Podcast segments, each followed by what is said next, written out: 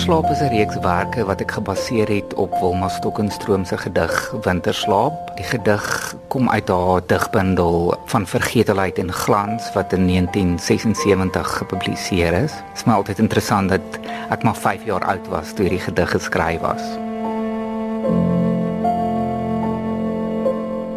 Winterslaap is my naam.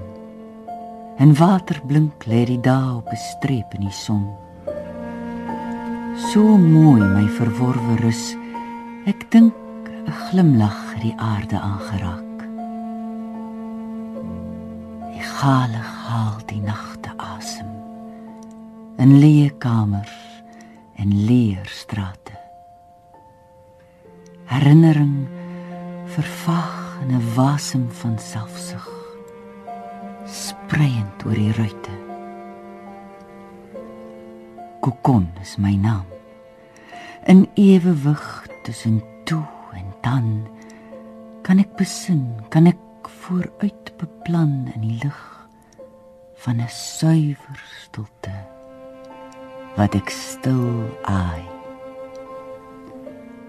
Ek draai my om en strek die hand uit in ruime eensaamheid en tas net effe rusteloos na die wand van ys en wol vagtig om my.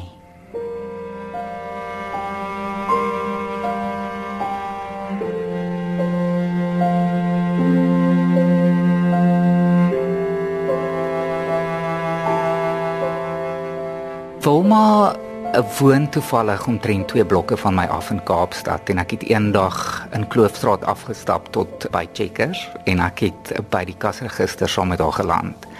En ek het toe net intuïtief besluit om vir haar bosblomme te koop. En uh, ons het 'n kort geselsie aangeknoop en omtrent 'n jaar daarna het ek 'n uitnodiging gekry om deel te neem aan 'n portretuitstalling. En ek het toe 'n redelike tradisionele portret van haar gedoen. Dit was ongeveer 8 jaar gelede. Ek het toe later begin om haar werk te lees en ek het haar een of twee keer besoek en sy het vir my een van haar digbundels persent gegee.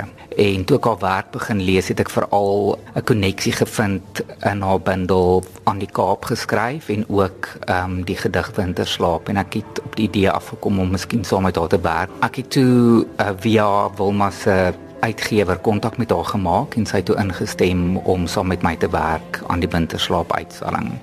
Ek het toe 'n fotografie shoot saam met haar gedoen. Ek het eintlik gebruik gemaak van 'n uh, professionele fotograaf want ek het gevoel dat ek eintlik net 1 of 2 ure het om die beelde vas te vang en ons het gebruik gemaak van die natuurlike lig in haar slaapkamer.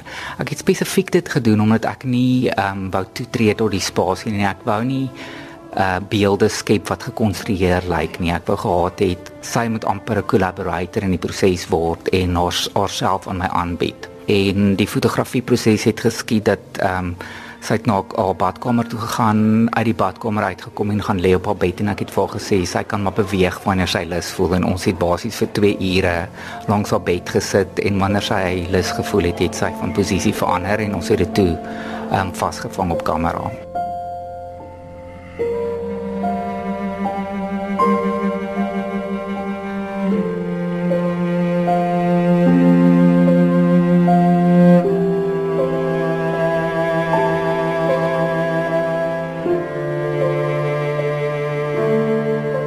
Die gedig oorspronklik het ek gevoel het eh, vang baie goed die weerloosheid vas en ek dink dit is ook 'n vorm van 'n autobiografiese gedig in haar geval.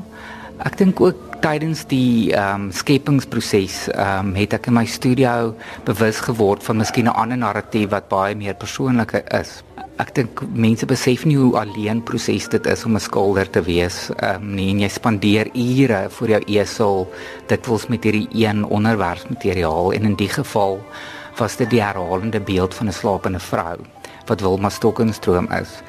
En alhoewel ek dit nie so beplan het nie, het ek tydens die skepingsproses al meer bewus geraak daarvan dat dit my eintlik herinner aan 'n ander proses in my lewe. En ek het omtrent so 14 jaar gelede na my ma gekyk wat terminaal siek was aan kanker. En in daai tyd het ek elke dag langs hierdie slapende vrou gesit. En ek dink daardie ondervinding van my het ehm um, definitief bygedra tot die emosionele impak van die kunswerke.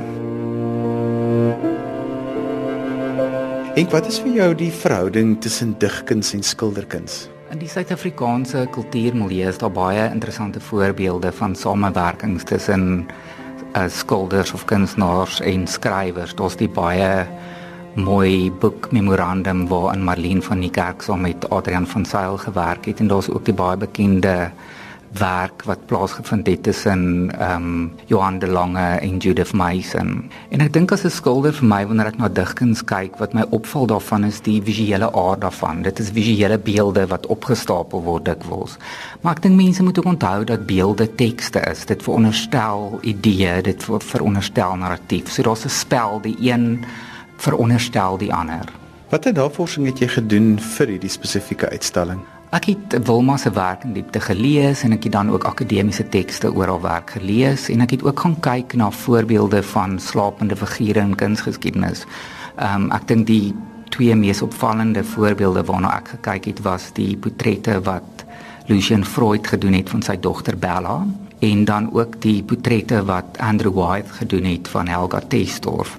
Helga Testorf was sy buurvrou gewees en hy het oor 'n tydperk van omtrent 15 jaar 240werke van haar gedoen en dit was hierdie herhalende motief van hierdie een model en hierdie een persoon en omdat my uitstalling ook gewerk het met 'n herhalende motief um van van 'n baie intieme kyk na een persoon het ek gedink toe ek na die werk kyk dat dit die emosionele impak van daai werk en die intimiteit verhoog in die werk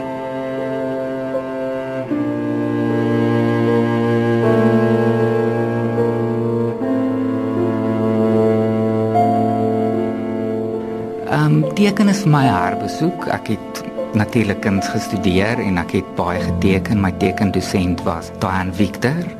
En toe het ek omtrent vir 20 jaar geskilder en ek dink my meer bekende werk is die baie realistiese stedelike landskappe wat ek in die nag skilder. En ek dink ek het tekenkuns benader soos 'n skilder en nie soos 'n miskien 'n iemand wat bekend is net as 'n tekenkunstenaar nie. Met ander woorde, ek het gewerk met tonaliteit en oppervlakte en ek het die ek het van donker na lig gewerk omdat dit ook die proses is wat ek in my skilderye volg. Ek dink daar lê ook baie betekenis opgesluit in medium. Ehm um, ek dink houtskool op sigself is 'n interessante medium, maar as mens dink daaraan is dit verbrande hout. So daar is hierdie cycle wat ehm um, gesuggereer word in dit en ek het gedink die medium het 'n interessante skakeling met miskien die onderwerpsmateriaal waarmee ek werk. Ek het ook gevind dat hierdie proses van om met donker te begin en na lig te werk um, met 'n baie mooi amper simboliese betekenis vir my. En dan in terme van tegniek, ek het baie met houtskoolpoeier gewerk. Ek het die hele oppervlakte dig bewerk en toe met 'n uitveer begin om detail amper te excavate en uit te vee en toe ek die die lig gekry het, het ek later met wit kontuig gewerk en die hare ingeteken daarmee. Ek dink ook tegniek is vir my nie iets wat 'n doel op sigself moet wees nie. Ek ek ek het probeer dat mense nie net miskien oorbluf staan met die realistiese tegniek nie, maar die idee daarmee was dat mense nader stap en dan bewus word van die merke op hierdie tekeninge en ek dink dikwels daarin lê die emosionele impak van werk. Daardie spanning tussen amper dit wat fotografies is en dit wat deur die hand geskep word, iets wat baie pakkend is vir 'n kyker. Op 'n persoonlike vlak hierdie uitstalling van Wilma Stokkenstroom jy het gesê dit herinner jou aan jou ma. Wat het vir jou beteken toe jy na die tyd staan en jy sien dit in 'n uitstalruimte hierdie vrou wat slaap, maar is ook hierdie ikoon in Afrikaans. Ehm um, wat my geïnteresseer het was die kykers se reaksie op die werk en ek dink slaap is iets wat ons almal elke dag doen. Daar's iets ontsettend universeel hieraan. Maar in die uitstalling het ek eintlik vir die kyker toegang gegee tot iets wat jy andersins nooit toegang sal hê nie. En ek het eendag gesê hoe ek die reekswerke lees is amper soos daai oomblik in die nag, sien jy maar 3 uur in die oggend wanneer jy wakker word in jou eie bed en daar's moontlik iemand langs jou en jy aanskou hierdie persoon en dis amper asof jy die eerste keer hierdie persoon raak sien.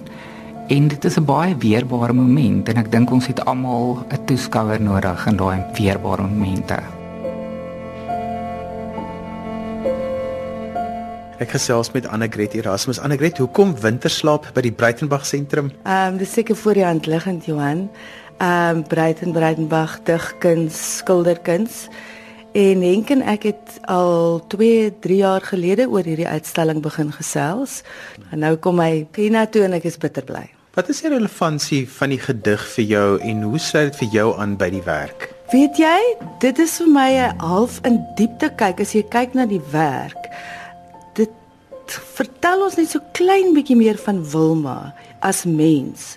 Ek dink sy's 'n baie private mens, so jy kry nooit daai kykie in op haar lewe nie. En Henk het dit vir my half vorendag gebring met die werk. En dit help net om 'n soort van 'n 'n beter gevoel te gee saam met die gedigte as jy dit begin lees en Ek weet nie, daar's net vir my 'n wonderlike samewerking. Toe jy die eerste keer voor die werk gestaan het en al die werke gesien het, wat het deur jou kop gegaan? Wow. nee, ek ek het net vir hom gesê hierdie is van uitstaande gehalte. Ek was eintlik van my voete afgeslaan. Dit was net ongelooflik. Dis hoekom ek so opgewonde is vir die uitstalling. En het dit ook nie as 'n verrassing gekom dat hierdie uitstalling ook 'n woordtrofee gewen het nie? Dit is die kersie op die koek. Ek is so bly. Jy weet so dit bevestig so half jou jou instink, jou gevoel. En as 'n kurator is dit lekker om ag, ek van ek het ek was reg. So ja, dit is 'n absolute bonus en hy verdien dit deur en deur. Annegret, julle beplan 'n hele klompie goed rondom hierdie uitstalling. Vertel vir ons luisteraars. Goed, Johan, dis baie opwindend. Die 10de Junie is dit die opening. Ehm um, Stian Bam gaan ook vir ons van die gedigte voorlees waaroor ek baie opgewonde is. Dan, die 24ste het ek met Prof Ampie gepraat. Ek wil graag soos jy weet in die in die galery het ons altyd 'n gesprek en dit is my baie belangrik. Ehm um, in die gesprek wil ek so half informeel akademies hê oor Wilma se werk. Want haar werk kan nogal ingewikkeld wees. Weet dit is lekker as die kenners kan kom en daaroor praat en dit net vir ons oopmaak dat dit meer toeganklik is en verstaanbaar en dan die 8ste Julie plan ek 'n rondleiding dat hen kan kom praat. Dis baie belangrik. En weet jy, ek sien ek die mense wat hiernatoe kom is regtig lief vir 'n rondleiding want hulle hulle wil so half met die kunstenaar praat. Daar's altyd vrae. So dit is 'n fantastiese geleentheid elke keer. En dit word dan opgevolg waaroor ek bitter bly is met 'n um, vertoning by die boarding house. So 11 uur sal hier die rondleiding wees. Dan sal ons uiteindelik oorskuif na die boardinghuis waar jy pizzas en wyn en wat ook al kan geniet. En dan 2 uur skop ons af met 'n vertoning. Lorinda Hofmeyer het Winterslaap uh, getoon set. Dan is daar ook 'n ander dame van die Parel Marisa, ek dink Grobbelaar is daarvan en Skalk Joubert. En ons wil so 'n hele vertoning hê om om digkuns, om digkuns met fokus op Wilma se werk. So daar's baie werk wat voor lê. Dis nog 'n tendens dat jy begin het hier by die Breitenberg sentrum om visuele kuns met ander kunsvorme te integreer. Ja, dis belangrik Johan. Weet jy dit het verlede jaar ehm um, regtig waar vlam gevat. Ehm um, die gesprek in die galery het bitter belangrik geword want die Breitenberg sentrum het 'n platform geword vir mense van oral. Maakie saak of jy pink, wit, blou, gay, wat ook al is nie. Dit het 'n veilige hawe geword dink ek vir sulke gesprekke. So dis waar ek en CEO verlede jaar gedink het goed nou maar kom ons begin saamwerk. Jy het boarding house gesprekke, die hele al die verskillende fasette van die sentrum, al die sintuie het begin saamwerk en ja, dit dit werk. Dit werk net. Thank you